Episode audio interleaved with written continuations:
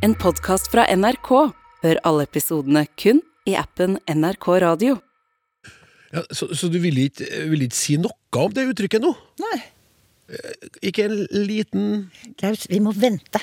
Ja, men Kan du ikke bare lette litt på sløret, da? Niks. Ok, da.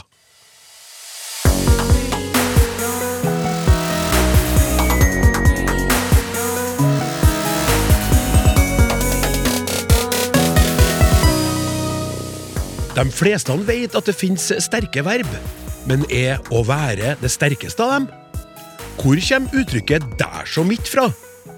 Hva er det folk driver med når de føler på hverandres tenner? Og er det greit å si 'kan jeg bli med hjem til du'?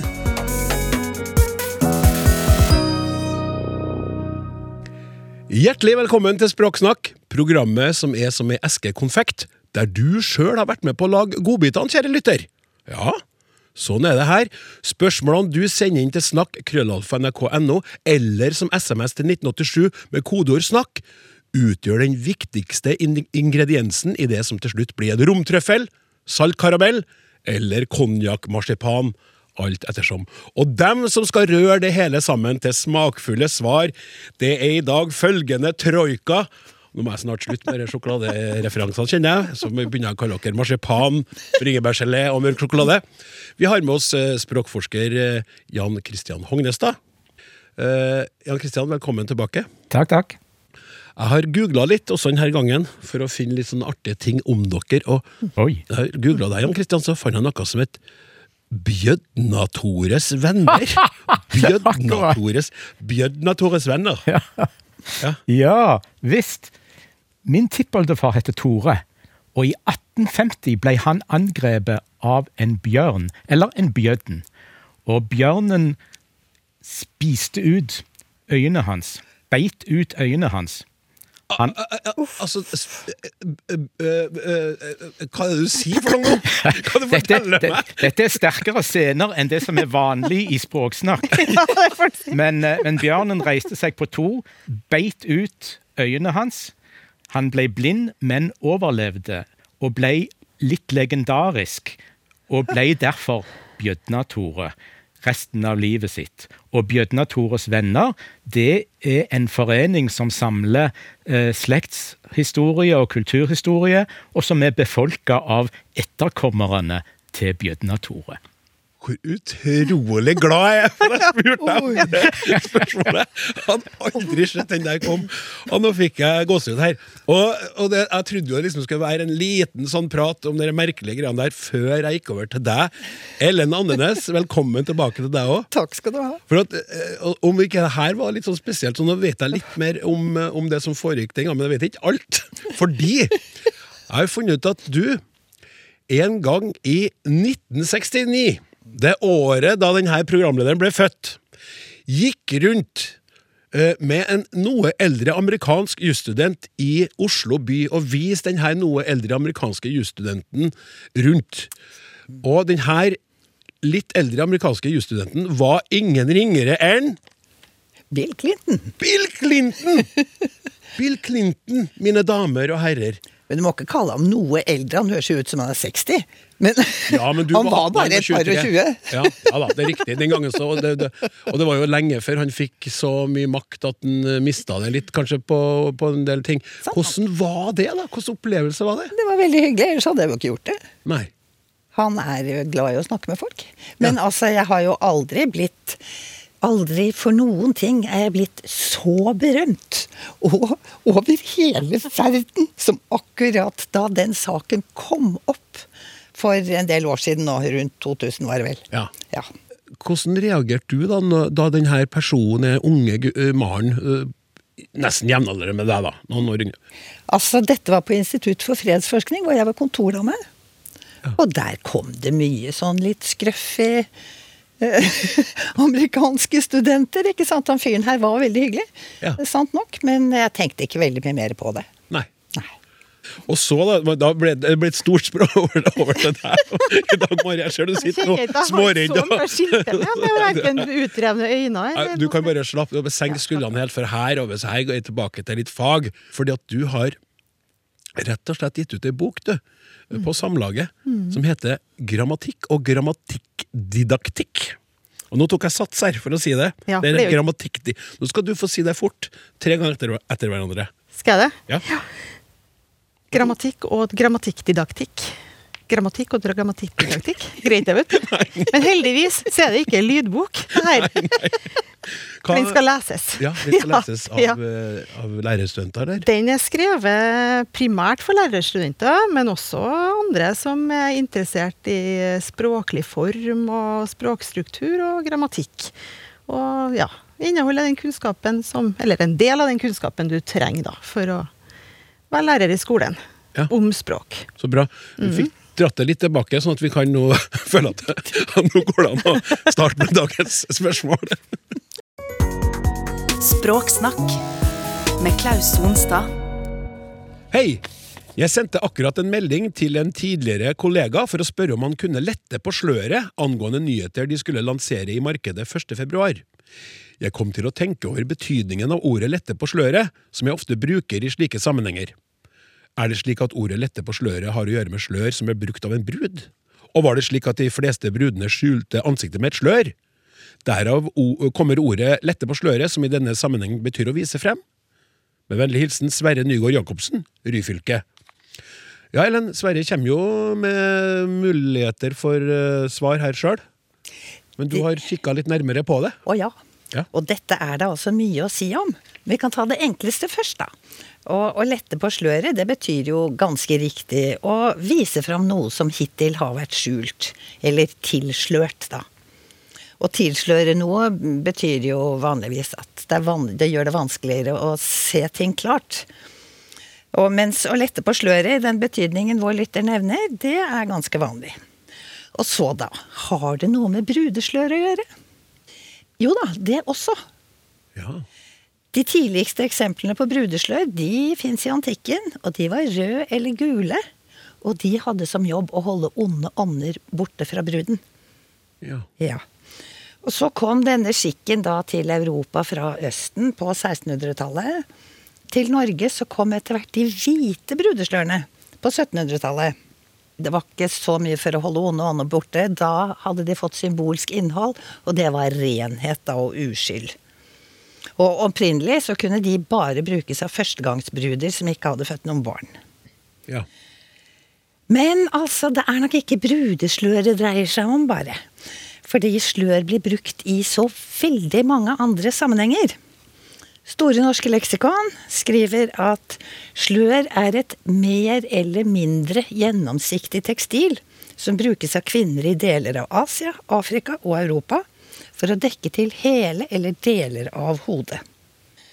Her bruker vi da gjerne skaut. Det er kaldere her enn mange andre steder. Men de kan brukes som pynt. De kan brukes som symbol på uskyld, da.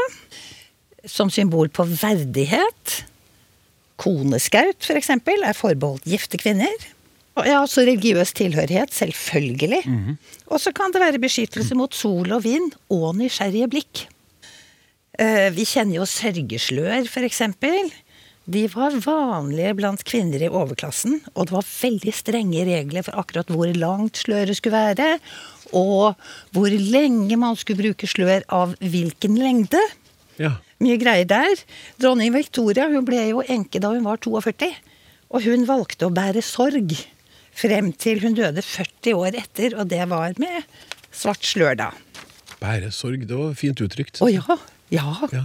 Kunne du ikke det fra før? Ellen, det er så mye du har lært meg Ja. av sånne, sånne ord og vendinger, så det er bare, bare å fortsette. Det, Bare det- hyggelig, Klaus. Du fryder meg hver gang du er på besøk. Det gjør jeg jo. Men altså, i dag så er det nesten bare kongelige kvinner som bruker sørgeslør. Eh, Og da er det veldig strenge regler i kongelige begravelser. Eh, Svarte klær med sørgeslør for kvinnene, og mørke dresser og uniformer for herrene. Altså hver har sitt. Ja, altså De som så på TV da dronning Elisabeth ble begravd, de fikk jo rik anledning til å studere sørgeslør. Og de er både da en del av den eh, kongelige klesskikken, og de er en måte å holde sorgen privat på, ved at ansiktet ikke er fullt synlig for omgivelsene. Men så er det slør som pynt, da. Det må vi jo snakke om. Altså, I omtrent 50 år fra første verdenskrig så var hatter med slør veldig vanlig. Tenk bare på hva Prøysen skrev i Sønnavindsvalsen fra 1956. En hatt med slør og silkestrå og kjole med blonder på kragen. To hvite skor med sløyfer på og strømper så klare som dagen. Jeg husker slørhattene veldig godt fra min barndom. De var altså så stilige. Og jeg kan bare sukke tungt over at jeg ikke tok vare på mors, for det gjorde jeg ikke. Men jeg har nesten en slørhatt. Fordi at i engelske bryllup så er det jo vanlig at kvinnelige gjester har på seg det som kalles en fascinator. Altså noe som skal være fascinerende å se på. Ja. En liten sånn kreasjon Ja. oppå hodet. Ja. Og en sånn har jeg hjemme. Fascinator. Ja, fascinator. What a marvelous fascinator! Nettopp! og så, altså Det er mer. Sorry, men det er mer. Det er mange religioner som har oppmuntret kvinner til å dekke hodet når de utøver sin tro. Spanske kvinner har gjerne brukt sånn mantia for å dekke håret når de går inn i en kirke. Ortodokse kristne kvinner bruker sjal eller slør over hodet. En del muslimske kvinner bruker hijab. Vi har den hinduistiske dupattaen. Og i Norge ble det jo brukt skaut. Og gifte ortodokse jødiske kvinner de dekker til håret sitt i offentlighet, så de bruker ofte skaut, eventuelt også parykk. Ja. Og så er det hodetørklær blant kvinner i mange kvist, kristne grupperinger i Midtøsten og Øst-Afrika. Og det er ikke så lenge siden faktisk kvinner i Norge sluttet å bruke det som ble Altså konservative kristne kvinner, da, i Norge. Eh, sluttet å bruke skaut til daglig, eller som kirkegangsskaut. Du ser veldig forskrekket ut nå. Ja, det, det, nei, ja, jeg er med. Jeg er med på reisa. Skal jeg fortelle deg en grusom ting? På, fra Voss på 1800-tallet så var det en skikk med noe som het kueskaut. Jeg sa jo at eh, sjal eller slør eller skaut kan brukes som tegn på verdighet, sant? men også på skam. For det var egne koneskaut som var utformet på en spesiell måte med runde hjørner, som synlig markør for det som ble kalt for halvkåner. Altså ugifte mødre med såkalt uekte barn født utenfor ekteskap. Det var ikke noe hyggelig i hele tatt. Nei, det var ikke noe hyggelig i det hele tatt. Men altså, slør brukes til så mangt. Forskjellige former for slør, skaut. Ja. Ja. Og hvor mange forskjellige slør man kan lette på. Åh, ja. Det er ingen ende på det. Takk skal du ha, Ellen. Vær så god.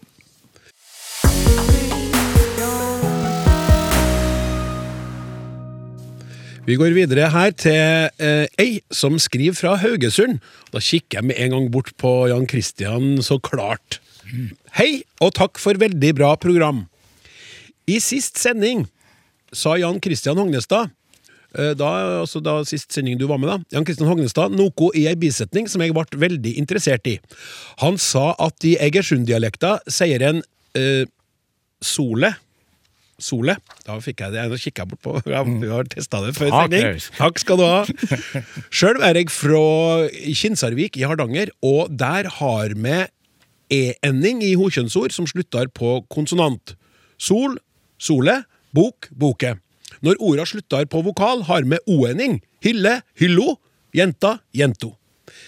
Det er forresten, forresten ikke helt en e, mer ei blanding av e og æ. Eh, akkurat, og Fin nyansering der, men den hopper jeg over. da kan du komme tilbake til. Jeg har flere ganger truffet folk som har reagert på dette med både e- og o-endinger, og jeg har, jeg har lurt på om dette forekommer kun i Hardanger. Men Egersund er jo da et døme. Fins dette andre steder også? Og hva er årsaken til at dette skjer noen plasser? I Haugesund slutter alle hokjønnsord på å, og i Sunnhordland slutter alle på o. Med helsing Elin Bay, eller Bay Eikemo, Haugesund. For et herlig eh, spørsmål. Du er klar til å svare, du? Ja, dette likte jeg veldig godt, faktisk. Eh, Elin spør om dette fins andre plasser enn i Hardanger og Egersund, og svaret er absolutt ja. Det fins mange plasser på Vestlandet og skal vi si vest på Østlandet. Og Ellen besk eh, Elin beskriver det ganske godt. Eh, Hunnkjønnsord som ender på konsonant, eh, kan bli ei bok, den boka. Nettopp sånn blanding av e og æ, som hun sier. Mens ender de på vokal, så, får, så blir det enten jenta eller jento eller jenta. Eh, Men så blir det interessant, for så spør Elin om hva som er årsaken til at dette skjer noen plasser, som hun sier. Og det spørsmålet har jeg nok lyst til å reformulere litt. Fordi når vi finner et språktrekk litt sånn her og der rundt omkring i landet, så kan vi gå ut ifra at det ikke er noe som har oppstått sånn flekkvis rundt omkring, men er rester av et gammelt system som tidligere var mye mer utbredt. Uh, og, så her er det altså ikke Hardanger og Egersund som har utvikla noe nytt i språket. Det er alle andre steder som har mista noe i språket, faktisk, men har hatt det. Når jeg snakker med studenter om dette, så pleier jeg å si at jeg fryser på ryggen når jeg snakker om det. Fordi dette er så steingammelt. Det er eldre enn norrønt. Og eh, i så gammelt språk så hadde vi to prinsipper for substantivbøying. Det ene er grammatisk kjønn, sånn som vi er vant med i dag. Og så var det et annet system. Og dette med bok, boge, og jenta, jenta, jenta, jenta, det er kan man si, rester av det andre systemet for substantivbøying. Eh, og det syns jeg er fantastisk, for det betyr at dette eldgamle systemet er overlevert muntlig i dialektene fra generasjon til generasjon i nesten 2000 år. Og da fryser jeg på ryggen, altså. Sånn er det bare. Ja, det skjønner jeg godt. Ja. Det er ekstremt fascinerende. Nå skal det sies at uh, dette er ikke bare et dialektfenomen, fordi iallfall eldre nynorsk tok det faktisk òg inn. Der så Elin ville bruke æ og si sole, der skrev en i eldre nynorsk i soli. Så da ville det være jenta, men soli. Og Det er det vi kaller i-mål i gammel nynorsk. og Der fordeler bøyingene seg akkurat etter eh, samme mønster. Så har jeg lyst til å fortelle en liten historie fra mitt gamle liv som lærer for mange, mange år siden. Da pleide jeg å lage noen tulleord. To tulleord. Det kunne f.eks. være bern og kvala. Og så sa jeg til elevene mine fra Egersund og Bjerkreim, som òg har dette her, at nå skal vi leke at dette er to hunnkjønnsord. Og så skal dere bøye det i bestemt form entall. Ei bern, den, og så skulle de bøye det. Ei kvale, og så skulle de bøye det. Og alle gjorde det helt perfekt, 100% korrekt. De sa ei bern, bernet, og ei kvala, kvala. Og hva betyr det? Jo, det betyr at denne årtusenlange overleveringen, muntlig, den er så sterk at disse ungdommene bøyer sjøl tulleord. I tråd med systemet, når jeg bare lager tulleordene sånn at de skal få den ene eller den andre. Tilrettelagte tulleord. Tilrettelagte tulleord. Pedagogiserte tulleord, brukte jeg. Og ikke sant, eh, dette er et system som de ikke vet at de har. Ikke sant? De er ikke klar over det, men de kan bruke det og bøye tulleord etter et 2000 år gammelt system. Fryser du òg på ryggen nå, Klaus? Ja, det må jeg si. Det er, eh, Ja. det her, eh, og du forklarte jo så ekstremt godt. Ja, Så utrolig spennende. Ja, det er det. Fascinator, jeg. Ja, ja, Ja. ikke sant? Så, Ja. eh, men konklusjonen blir jo at noen dialekter har beholdt eldgamle trekk i grammatikken sin. Og så skal jeg skryte litt. Egersund har nok et av landets mest arkaiske bymål. Altså et av de bymålene som har beholdt flest artige, gamle trekk. Du verden. eh, Herlig. Herlig. Ja, rett og slett.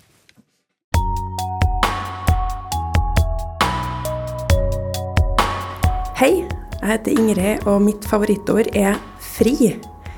Jeg vil at alle sammen skal føle frihet i livet sitt, og jeg elsker å føle meg fri, og jeg elsker å ha fri. Og jeg har til og med kalt dattera mi for Frida. Språksnakk.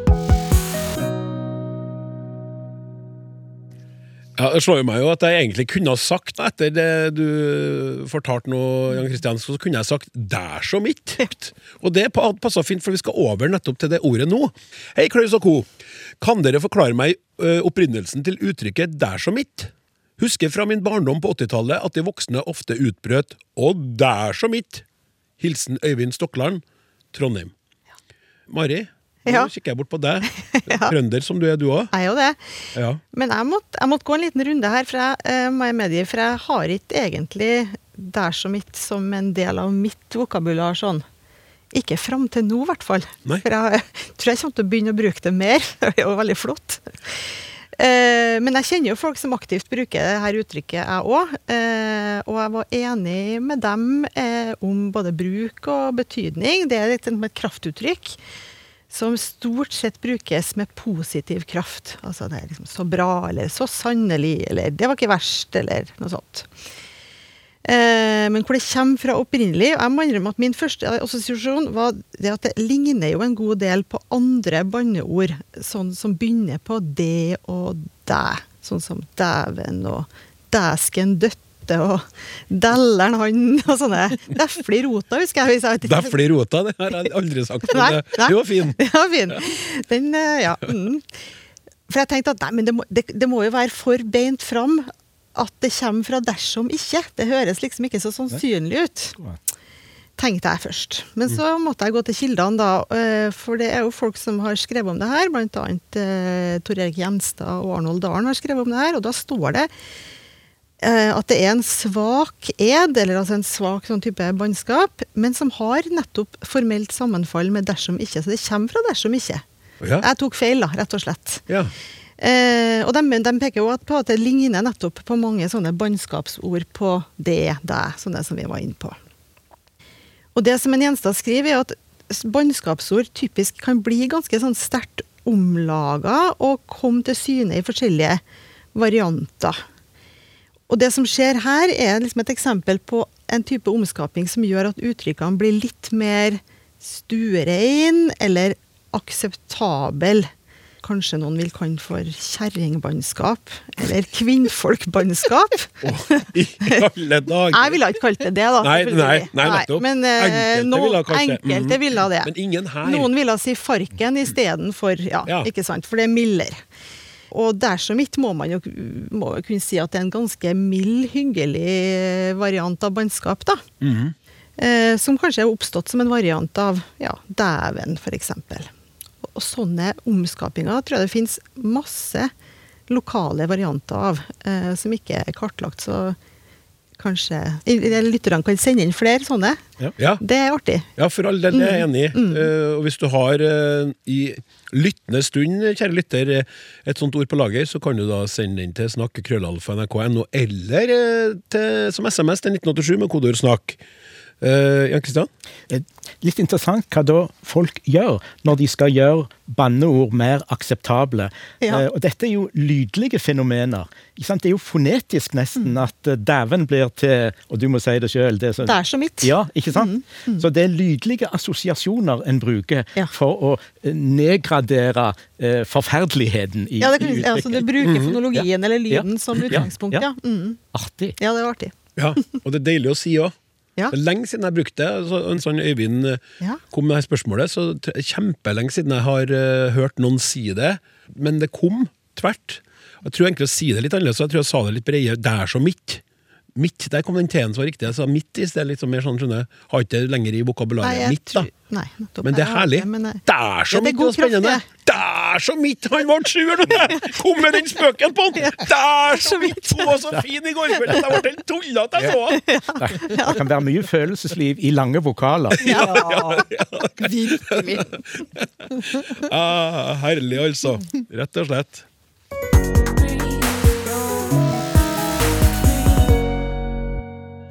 Ja, du hører på Språksnakk, programmet der du spør om språk, og ekspertene svarer. En lytter mener uttrykket 'hals over hode' har fått en avart som blir helt feil. Og det skal vi snakke om straks, men først så må vi slippe til noen tilbakemeldinger. Og de første tilbakemeldingene som jeg skal lese opp, de går rett og slett tilbake til noe jeg drev og sa i forrige sending. For vi drev og spurte spurt om eh, hva man kunne si istedenfor front of house, altså publikumsområde, og back of house, altså ansattavdeling. Og da var det ei som skrev inn eh, foyer eller og så leste jeg da foyer. ja, nå ler de språkforskerne her. Jeg trodde det var et ord, men det er jo, på fransk så blir jo da foyer foyer. Og så er det foyer på, tror jeg, på, på engelsk, eller noe sånn lignende. Og så på tysk så blir det nesten som faya. Faya! Det er jo med F-E-U-R, og så blir det, det var helt galt. Jeg ble retta på det av Jostein, blant. Helt feil! Foyer er riktig, ordet er fransk. Uh, og så, du sa Hall, du sa det som foyer rett fram. Heter det ikke foyer? Takk for morsomt program, skriver Hanne Sveen uh, fra Larvik. Takk for at dere retter på programlederen når ikke de språkforskerne som var i studio, uh, gjorde det. Og så var det noen som har merka seg en annen ting som blir sagt i programmet, som de opplevde som feil også. Jeg tror at en av programmets deltakere i dag mer enn én en gang har snakka om å stå ovenfor en utfordring, ei oppgave eller et problem. Jeg mener at ordet er overfor, og jeg spør om det er særlig blant trøndere denne feilen finnes. Nynorsk overfor ansynes, ovenfor overfor. Hilsen Håvard Alteren. Vil ikke kommentere det med trønders, trøndere. Jeg tror at det ja, Eller hva tror dere, forresten? Kjære? det er helt vanlig. Det er vanlig feil, ja? Ja. Ja. Går fort når man snakker og sånn, ikke sant? Og så ber man litt sånn, hva var det igjen? Ja. Ja. For jeg sitter Sitter jeg ovenfor deg, eller overfor deg nå, Mari? Jeg sitter i hvert fall ovenfor der. Nettopp. Nei da. Nei, ser du? Ja, nettopp. Der er vi i gang igjen. Så fikk vi en SMS om det samme. Jeg synes det er merkelig at deltakere i Språksnakk ikke vet forskjell på overfor og ovenfor. Hilsen Megs Stråland. Eh, greit, eh, det er mottatt, eh, Megs. Vi skal prøve å skjerpe oss neste gang vi står overfor denne problemstillinga.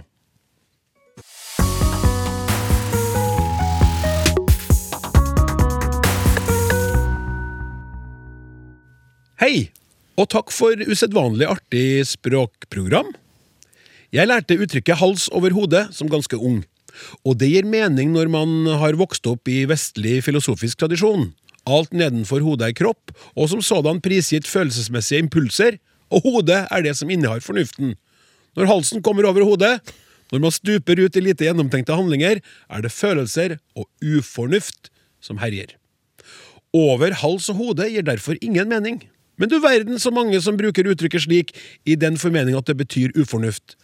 Er det da likevel greit å bruke begrepet slik? Vennlig hilsen Lise Stensby. Det blir ord- og uttrykksspesialisten i dagens sending vi henvender oss til nå, Ellen. Ja, jeg koser meg. Takk skal du ha, Lise, for et morsomt oppdrag. Og eh, selv om jeg forstår den forklaringen til Lise, så er den nok ikke helt riktig. For Lise foreslår altså at å gjøre noe hals over hodet, det må henge sammen med den filosofiske vestlige tradisjonen, med fornuften over snippen og følelsen under. Eh, og da tenker Lise at eh, å gjøre noe hals over hodet betyr altså å handle ut fra bare følelser og ikke fornuft. Og det lyder helt plausibelt. Men det er bare det at de kildene jeg har funnet, de sier at dette uttrykket stammer helt fra den romerske dikteren Catullus, som var sur på noen.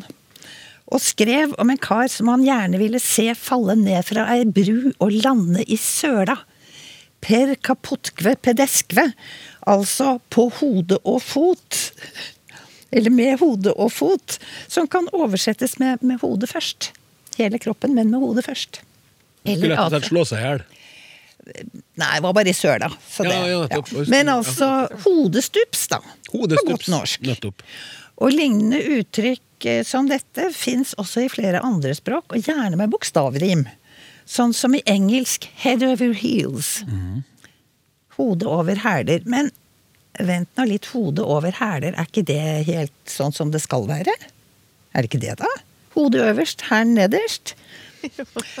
Så jeg tenkte litt på dette, og så slo jeg opp i Dictionary.com, som er den eh, største engelske ordboka på nett, som sier at på 1300-tallet så var uttrykket 'heels over head'. Altså hæl over hodet. Og se det for dere. Hvis du gjør noe med hælen over hodet, så er du opp ned. Rett og slett. Og det var det det betød den gangen. Å være bokstavelig talt. Bokstavelig talt, altså. Opp ned. Sånn som vi er når vi stuper kråke eller slår hjul. Hæla i taket, rett og slett. Rett og slett. Hæla i taket og tennene i tapetten. Tennene ble ikke nevnt. Ikke Jeg hos forresten, vi skal komme tilbake til tenner òg i dag. Vi skal det Ja, senere. nei ta. Men så på 1700- og 1800-tallet så endret dette uttrykket både form og innhold. Nå er vi fremdeles i engelsk. Man snudde selve uttrykket opp ned, så å si. Slik at det ble head over heels. Og, og det ble brukt i overført betydning. Altså ikke lenger om å slå på hodet. Eller ha hæla i taket. Og da eh, kan vi gå til den amerikanske folkehelten David Crocket. Å, skal vi dit? Ja, dit skal vi. Davy, Davy Crocket. Det er jo det som er så utrolig morsomt med disse spørsmålene om ord og uttrykk, at det gir meg en sjanse til å gå rundt i kulturen for å finne svar. Jeg liker det. Ja. Altså, eh, Han utga selvbiografien sin i 1834 og fortalte der at han hadde forelsket seg head over heels i en ung kvinne. Og den bruksmåten den er blitt nesten enerådende i engelsk. Uttrykket brukes altså om å bli, aller mest om å bli grundig forelsket i og oppslukt av noen eller noe. Eh, Det kan være også at det var plutselig, men eh, hovedvekten ligger på kraften i opplevelsen, altså. Vi blir jo kraftig forelsket på norsk også, og da snakker vi gjerne om å bli hodestupsforelsket. På samme måte som vi kan kaste oss hodestups i vannet. Altså vi bare kaster oss ut i det. Men man sier ikke å bli hals over hode forelsket. Nei. Nei. For det uttrykket det bruker vi typisk om at noen har måttet flykte eller reise i største hast og uten tid til å forberede seg nærmere, står det i Norske Akademis ordbok. Og det har ikke så mye med fornuft eller ufornuft å gjøre. Jeg er spent på den forbindelsen her nå. Forbindelsen, ja. Altså, hva blir svaret på spørsmålet, tenker jeg. Ja. Er det greit nå å bruke formen over hals og hode, som er den innsenderen ergrer seg sånn over? Det gir ingen mening, skriver hun, men det gjør jo faktisk det, da. Det gir mening. Men folk har ergret seg over dette før. Jeg fant en bokanmeldelse som Nils Jakob Harbitz skrev, der han stadig skrev at oversetteren bør snarest lære seg at et av uttrykkene han stadig bruker, ikke lyder over hals og hode, men hals over hode. Og nå kan jeg nesten se Lise nikke. Men altså, eh, Lise har ikke tiden på sin side. Eh, Kjell Ivar Vannebo han kommenterer i den boka som heter 'Prikken over i-en og andre uttrykk', at denne oversetteren var nok i takt med dagens språkbruk. Varianten 'over hals og hode' er nok minst like vanlig, skriver han. Ja. Og sånn brukte Ibsen det i 'Byggmester Solnes' fra 1892. Og det er mange andre eksempler også på tidlig bruk av den formen. Nå sjekket jeg det i Nasjonalbiblioteket, og da fant jeg ut at mens 'hals over hode' får rundt 16 000 treff, så får 'over hals og hode' over 23 000. Ja, jeg tror vi bare må leve med det, Elise. Kunne Ibsen, så kan vel vi? Men, men, men hvordan gikk eh, hils og hæler og, og hode over til å bli hals og hode på norsk? Ja, det kan du si. Eh, altså Det vet vi ikke, men det er jo kroppen. Ikke sant? Det er jo det at vi henter sånne uttrykk fra kroppen. Jeg er veldig glad i de der kroppslige uttrykkene som vi bruker. Og det gir akkurat samme typen mening, da. Ja. Opp ned. ja. Jan Kristian? Ja, som jeg hadde nær sagt språksystematiker, så interesserer jeg meg for hvordan sånne overganger finner sted. Hva er grunnen? Altså hvordan blir hals over hode til over hals og hode? Og Da kunne jeg tenke meg at det rett og slett er det vi på fint kaller en kontaminasjon. Altså at to uttrykk blandes sammen. Så jeg vil lansere følgende. Kan det hende at vi har A, uttrykket hals over hode, og B, uttrykket over stokk og stein? Og så blir de blanda sammen, og så blir det over hals og hode. Da tar du noe fra det ene og noe fra det andre. Sånn foregår språkproduksjon inne i hjernen vår. Så jeg vil si at òg et svar på lytteren sitt spørsmål er at dette er en kontaminasjon. En blanding av to uttrykk, eller idiomer, som det heter på fint. Ja. Smake og smatte på den. eh, Ja, jeg smaker og smatter, men ja. Og det kan, det kan veldig godt være riktig. Har du et sånt eksempel fra engelsk òg, da? Siden de snudde, de òg? Siden de snudde det, ja? Nei, det har jeg ikke. Nei. Det kan hende at lytteren har. Ja. Snakk krøllalfa.nrk.no. SMS 1987, kodeord 'snakk'. Jeg syns også det er litt sånn spennende når dere ikke er helt enige, men det er ikke Dagsnytt 18 det her, så vi skal ikke gå noe videre i det. Vi skal prøve å beholde freden. Husk på, vi lager konfekt med hjelp av lytterens spørsmål her. Sånn var det, vet du. Språksnakk. Hei, jeg har et dialektspørsmål til dere. Jeg er fra Lillesand, og her sier jeg og andre på min alder av og til du istedenfor deg. For eksempel meg og du. Skal jeg bli med hjem til du? Og hva med du? Beklager hvis det her ikke var sånn ordentlig Lillesand. Jeg prøvde prøvd som best jeg kunne. Det går bra. Dette vet jeg at også er et fenomen i Arendal, siden den byen på, på Gøy blir kalt for Bankedu-byen her på Sørlandet. Altså, ikke bank deg hvis du skal bråke, da. Jeg skal banke du! Det er litt spennende. Ja, Det var ikke ment ikke jeg, nå, Mari, må ikke bli redd. Det er bare relativt unge folk som sier dette, så vidt jeg vet. De gamle i Lillesand sier de til deg, uttalt med e. Det. Ikke i. For eksempel med og det. Mannen min, som også er fra Lillesand, mener at å si du er en talefeil. Mens jeg mener at dette er en dialekt. Hva er, rikt, hva er riktig? Jeg, jeg ler. Beklager at jeg ler, Mari, men det er så herlige diskusjoner. som det er en talefeil. Nei, det er dialekt. Og så, sånn, går, sånn går nå dagene, men nå snart skal vi få en løsning på det. Jeg vet at det grammatisk sett ikke er rett, men hvorfor skulle dette være noe mer feil enn at de noen steder sier oss istedenfor vi? Jeg kjenner en eh, oppdalskar som sier oss. Så det jeg lurer på er, én, kan dere si noe om hvor utbredt dette er, og hvor lenge dette har blitt brukt? To, er det talefeil eller dialekt? spør jeg Mari. Og så skriver hun i parentes jeg er 30 år, hvis det skulle ha noe å si. Jan Kristian, her er det mat. Her er det mat. Og I Lillesand tror jeg faktisk det har noe å si at hun er 30 år, men det skal jeg komme tilbake til. Eh, Hvis en husker godt fra skolegrammatikken sin, så husker en dette med subjektform og objektform. Eh, Du er min venn, jeg kjenner deg. Du og deg. Og dette er det altså i ferd med å skje noe med nå. Så spør Mari eh, hvor gammelt er dette? Eh, og det har vår kollega Elin Gunnleifsen eh, i Kristiansand eh, forska på. Og hun sier at dette starta øst i Agder. Og det kan ha starta før andre verdenskrig, altså første halvdel av 1900-tallet. Så mange sånne språkendringer er, er, har tatt lengre tid enn vi tror, og har vart lenger enn vi tror. Men samtidig, i dette tilfellet, vi snakker ikke Ibsen og 1800-tallet. Det er liksom det er rundt andre verdenskrig, og da, da er det ganske nytt da, i sånne språksammenhenger, har jeg lært meg nå. det kan du si. Eh, Men, men eh, jeg tror folk kanskje tror at det er enda nyere enn det. Eh, Og det er det nok ikke. Og hvor begynte det? Ja, øst i Agder. Eh, Hvis folk skal orientere seg litt sånn Grimstad, Arendal, Tvedestrand, kanskje. Der tror jeg nok dette starta. Og så sier Mari at det har kommet til Lillesand. Eh, Det er riktig, men mye, da er det mye nyere. Eh, Og Derfor er det relevant at hun bruker dette som er 30 år. Mens, sier hun, de gamle bruker fremdeles det, og ikke du. Eh, Så det er antagelig helt riktig. Og ja, det er dialekttrekk og ikke talefeil. Og så er det jo det at når hun sier at dette er grammatisk feil, så er det jo sånn at det, ja, det er grammatisk feil i bokmål, f.eks. Men i de dialektene som har dette trekket, så er det faktisk i samsvar med grammatikken eh, i dialekten. Og da kunne jeg tenke meg å spørre eh, rundt bordet her, er det noen som har hørt dette fenomenet med du andre steder enn på Sørlandet?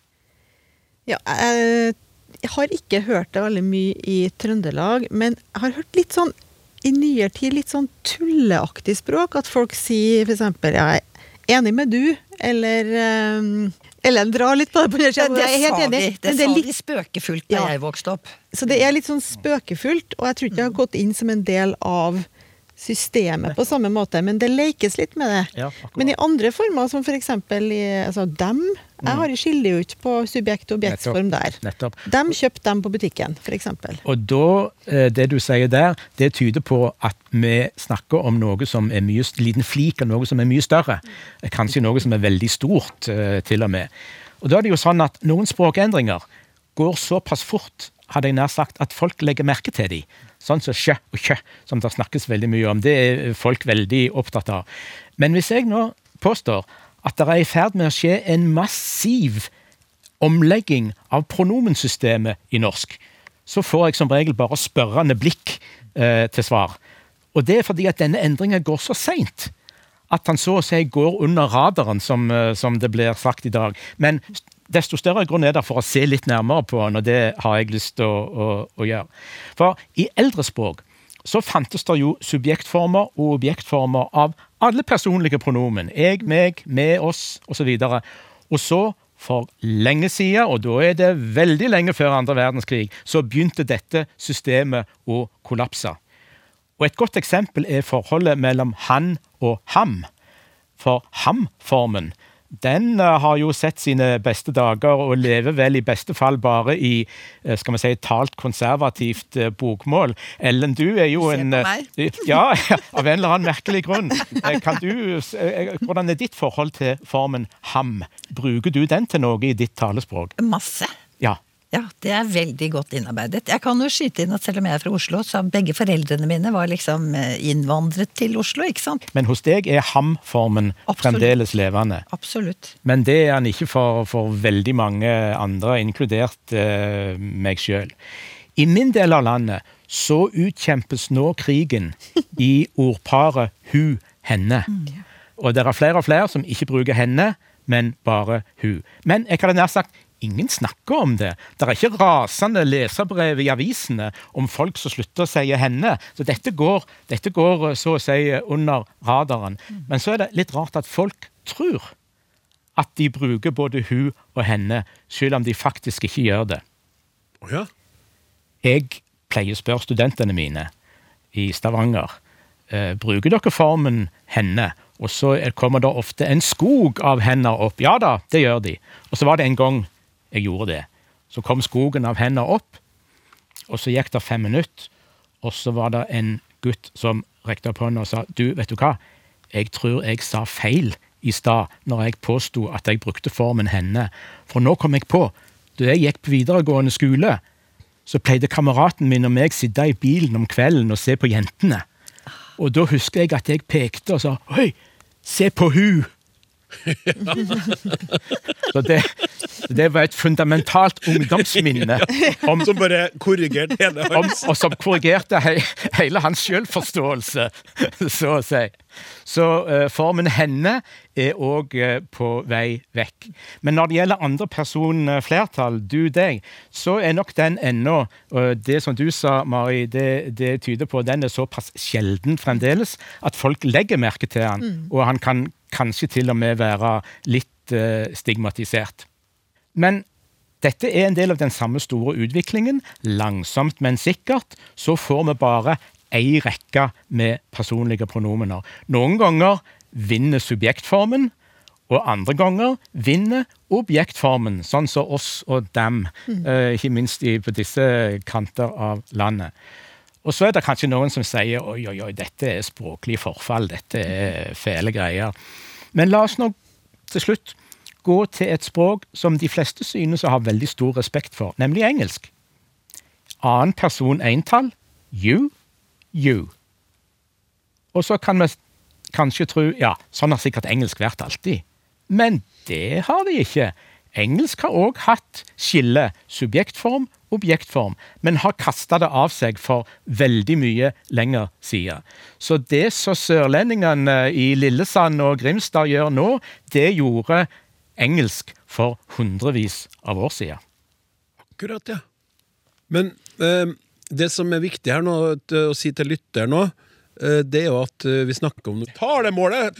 Det, det er helt riktig, og jeg merker på meg sjøl eh, i skrift at når det gjelder de, dem, for eksempel, mm etter preposisjon, for å være litt teknisk, så kan jeg spurte jo jeg har skrevet dette er et problem for dem som. Eh, da skal du ha objektformen etter preposisjon. Men jeg har fått manus i retur fra Språkvasker der jeg har skrevet dette er et problem for de som. Sånn at uh, i skrift òg er dette, så sniker det seg inn litt etter litt etter litt. Går Dette bra, var, det. dette, var et, dette var et slag for deg, eh, Klaus. Nå fikk jeg endringsangst. Ja. Fikk du endringsangst? Endringsangst fikk jeg nå. Men altså, du beskriver jo veldig malende her hvordan historiens lokomotiv, liksom. ja, jeg tror ikke det er noen vei tilbake. Ja. Mm.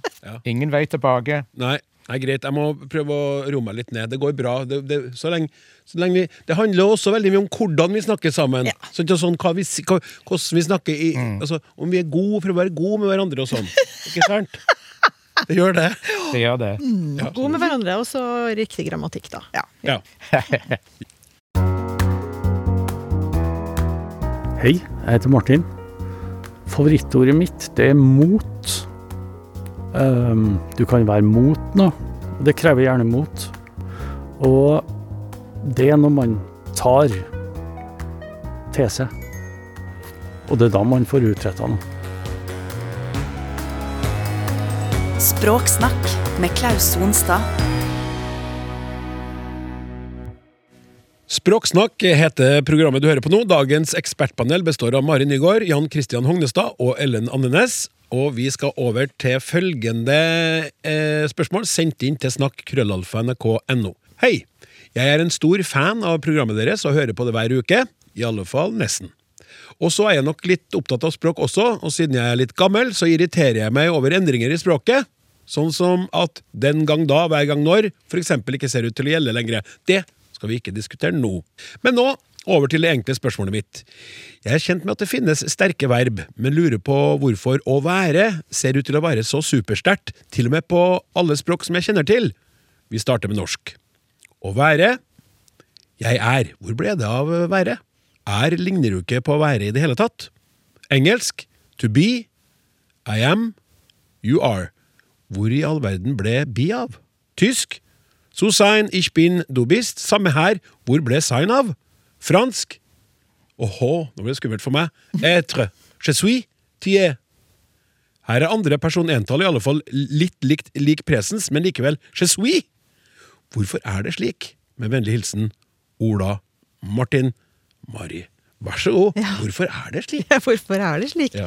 Må si tusen takk for spørsmålet. Veldig artig spørsmål. Og takk for språkinteressen. Og kondolerer med utvanning av da og når-regelen, som vi ikke skal snakke videre om. Her er eh, spørsmål der vi skulle hatt ei tavle for å skrive opp eksempel og liksom, hatt litt sånn grammatikkundervisning. Men eh, det er jo radio, så det blir litt vanskelig. Så vi får prøve å skape bilder i vi får prøve det uansett. Ja. For det her var en fin observasjon, syns jeg, om eh, verbøying. Et godt uttenkt spørsmål. Først så kan vi snakke litt om akkurat det med endring i bøyingsform, som det her er et eksempel på. Og det at selve ordstammen, som det heter da, varierer når et verb bøyes, det kan man kalle for en slags sånn blanda ordbøying. Eller suppletiv bøying, kalles det med et eh, litt fint ord, da. Suppletiv bøying. Suppletivisme eller suppletiv bøying.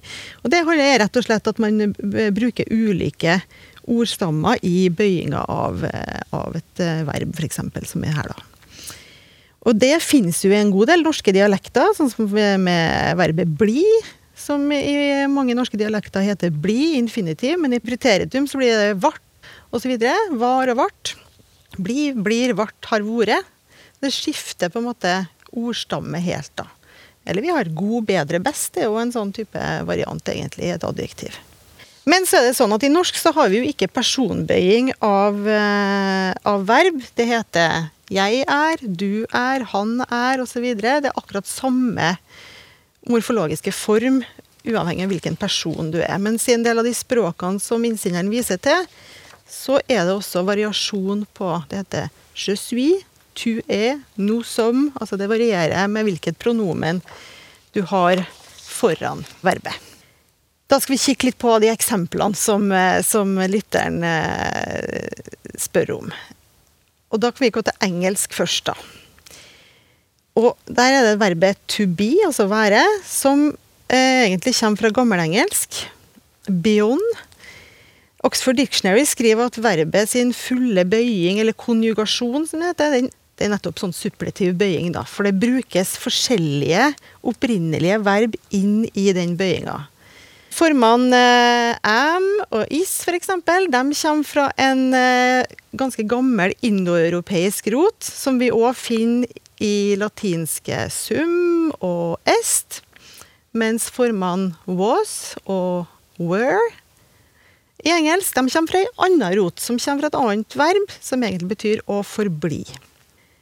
Går vi til tysk, så er det også forskjellige røtter eller stammer ut og går, og det vi kan kalle for B-rota, som vi finner i B, ben, bin, bin og bist. Og så har vi S-rota, som du finner i is og ist og sinn. Og Voss-rota, som du finner i var og vass.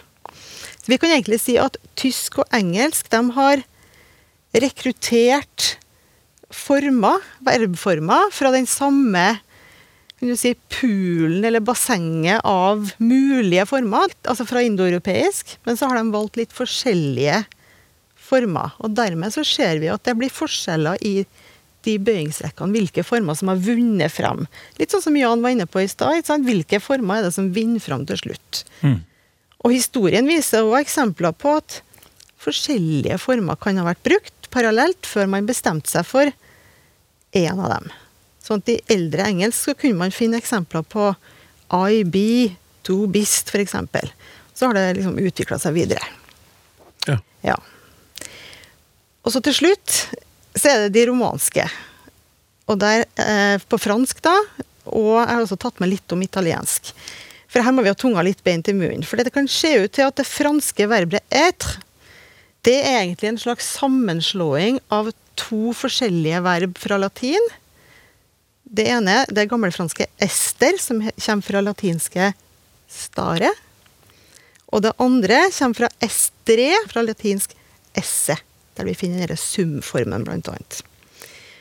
Og da er det litt interessant å merke seg at i f.eks. italiensk da, så har man nettopp to forskjellige verb. Man har verbet essere og verbet stare. Og begge betyr varianter av å være, med litt betydningsnyanser, som ikke trenger å gå videre inn på her, da. Men de bøyes helt ulikt.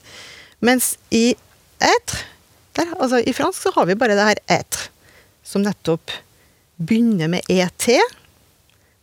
Morfologisk stammer fra det her stare-paradigmet. Être har et hustak på seg. Den derre e-en har et hustak. Det er egentlig et sånt vitne om at det har vært en S der en gang i tida. Så det egentlig var en S. Det ligner på det italienske essere, som er det italienske verbet. Formen je suis, som lytteren spør om, den igjen virker å være en gammel variant av fui, som er, man finner igjen i veldig arkaiske former av det franske verbet. Fortidsform som brukes veldig lite nå. Passé simple. Som også kommer fra det her esse-varianten av verbet. Som allerede var uregelrett i indoeuropeisk. Ja, det er mye detaljer i det her. Ja. Her er det et bad for, eh, for den som liker å fordype seg i, det, i morfologien. Hvorfor blir det sånn at man får så mange ulike former i akkurat noen verb? Er det sånn at verbet være er supersterkt? Det tror ikke jeg kan svare konkluderende med. Jeg tror at innsenderne er inne på noe. Altså, det er de verbene som, er, som trener mye, som blir sterke. I et verb som vi bruker veldig, veldig mye mindre, som er mye mindre frekvent i talespråket, så tror jeg ikke vi som språkbrukere ville ha greid å håndtere et så stort vell av bøyingsformer som vi gjør i et verb som brukes hele tida. For vi hører de formene hele tida. ikke sant? Vi har jo noen andre verb som er sånn å, å, å gå i en del språk, ikke i norsk, men uh, i de latinske språkene så er jo gå et sånt verb som har rik morfologi, da, for å si det på den måten. Ja. Ja. Takk. Dere svett? Nei, det var strålende.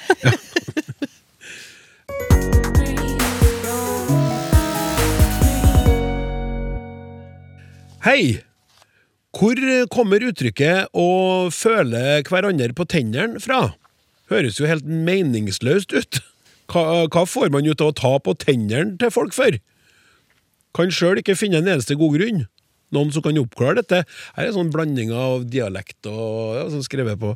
Med vennlig hilsen Gøril. Ja, det, jeg lurer egentlig på det her òg, jeg òg, Ellen. Ja. Ja. hva er poenget med å føle, for, an- føle på andre folks tenner? Altså, man ser det ikke så ofte, bortsett fra eh, under dype kyss, da, og da bruker man tunga. Men ellers så ser man det ikke så ofte, bortsett fra på tannlegekontoret. Eh, Men nå bruker vi jo dette uttrykket i overført betydning, da, om at man prøver å utforske noens styrker, svakheter, planer, hensikter og sånn. Men altså, spørsmålet var hvor kommer det fra? Og igjen så er det jo, ikke sant, det har noe med kropp å gjøre, så det har, det har noe veldig konkret som bakgrunn. Det norske akademiets ordbok skriver at det kommer fra hestehandlerspråk. Og når man vurderer å kjøpe en hest, det var jo atskillig vanligere i Norge, i hvert fall fram til andre verdenskrig, så er det nok ganske lurt å undersøke tenna på den. Altså, hestehandling har liksom ord på seg for og at det var en del lureri der. Og hesten var jo et bruksdyr, så man trengte et som var relativt ungt og friskt. Og det er klart prisen varierte også med det, da. Eh, Jeg ble veldig nysgjerrig da jeg fikk dette spørsmålet. Takk, Gøril. Så, så nå har jeg lært meg ganske mye om tennene til hester. Jeg lover å ikke fortelle alt jeg har lært, men litt må dere tåle, altså. Både her i studio og blant lytterne, hvor dere nå er. Det går bra! Jeg måtte bare Vær så god, Ellen. Ja, det enkleste først. Hester har flere og litt annerledes tenner enn vi, og disse tennene de kommer på forskjellige tidspunkt opp gjennom utviklinga. Eksempel kan de få såkalte ulvetenner. Som hestetannleger nå anbefaler å trekke tidlig for å unngå skader og smertetilstander. Hvis du har en hest med mye smerter, så vil du ha vanskelig for å håndtere den, kanskje. Vi mennesker vi har jo tenner som består av en krone og en rot. sant? Eh, hestetenner, derimot, de har krone, så har de bitte lite grann rot, og så har de reservekrone. Integrert reservedel, altså. Ja. På en frisk hestetann så er det bare en bitte liten del av tanna som syns inni munnen til hesten. Eksempel vanligvis 1 centimeter av kinntennene. Mens det ligger mellom 7 og 10 centimeter reservekrone nedi kjevebeinet. Nei, i alle dager. Jo, lukk øynene nå og forestill deg at du har mellom 7 og 10 centimeter reservetann i kjeven. Ja, Da stikker jo tennene ut nedafor. Ja, det er det, altså. Ja, de har litt Haketenner, som vi kan kalle det. Hestens anatomi og menneskets er ikke helt sammenfallende, nei. Men altså, hester er jo beitedyr, ikke sant? Ja. Og de kinntennene som jeg nettopp snakket om, de er lagd sånn for at hesten skal kunne slite bort tennene etter hvert som den tygger. Så fyller hesten på selv med nytt beinvev nedenfra, og presser opp stadig nye millimeter av den reservekrona. Eh, Men ny reservekrone blir stadig presentert over tannkjøttet, da. Normalt så slites de sånn to-tre millimeter per år. Og når hesten blir gammel nok, da har han brukt opp hele reserven. Sånn at resten av tenna da faller ut, eller altså bare slites bort. Det blir ikke mer igjen av dem. Ja. Den som fulgte godt med nå, den forstår at når man undersøker tennene på en hest, så kan man avsløre mulige forsøk på å lure meg når det gjelder hvor gammel denne hesten er. Og altså også hos mennesker så er det jo sånn at tennene kan fortelle ganske mye om helsetilstanden i sin alminnelighet. Jeg må bare skyte inn det. Altså, og hvordan den kan komme til å bli. For det er ikke bare hvordan er det akkurat nå, men hvor er liksom tegnene på hva som kan skje. Hvor man er på vei. Ja, nettopp. Og hvor langt er du kommet på den veien, Klaus? Ja. Eh, Helmer i et dukkehjem han var redd for at Nora skulle få stygge tenner fordi hun spiste så mange makroner. Men utseendet var ikke det eneste han kunne bekymret seg for, altså. Så det gir mening å føle hverandre på tennene. Det gjør virkelig det. Selv om vi ikke gjør det så ofte. Og eh, vi vil jo ikke at noen skal bli tannlause. Ikke sant? Å være tannlaus, det er jo Da er det ikke noe det Det, blir for tamt og for ufarlig. For eksempel så så jeg det sto om at eh, om en fotballkamp at Stabæk fremsto med et tannløst angrep som ikke har klart å spille seg til sjanse. Og så har vi det engelske, da, å være too long in the tooth. Altså, er for lang i tenna? Ja, ja, ja. Ja. Det blir du jo altså når tannkjøttet, som det gjerne gjør på mennesker, trekker seg oppover med årene. Og Så det betyr at du er ganske gammel, og dette uttrykket brukes bare hvis du er liksom for gammel til å gjøre noe spesielt. Ja. Ja. Kan jeg få komme en, eh, en fun fact, som er artefakta, som jeg kaller det, til dere tilbake nå, siden du nevnte Helmer i et dukkehjem? For jeg har nemlig spilt Helmer i Universitetsteatret i Trondheim. Og der eh, valgte regissør Marit Moe Maune, som senere er blitt en stor regissør, at Helmer skulle kysse Nora, for å så finne ut at hun hadde spist makroner. Så hun tror at hun blir kyssa av sin kjærlige mann, men jeg da smakte på kysset etterpå. Og så sa hun har vært ute og synda med disse søte makronene. Og kom jeg på det, og da følte jeg jo ikke bare Nora på tennene, men jeg jakta også på hennes uh, dårlige bruk av penger. Målrettet føling. Fun fact nummer to. Nora og Helmer ble senere gift og fikk to barn sammen. La det være avslutninga på Det var, dagens det var, et, det var veldig apokryft. Et apokryft evangelium. Språksnakk er slutt for i dag. Om du liker det du hører, nevn oss gjerne til venner og familie. Takk til våre tre eksperter. Tekniker var Martin Våge, journalist Randi Lillealteren, produsent Hilde Håbjørg. Jeg heter Klaus Onstad. Vi snakkes!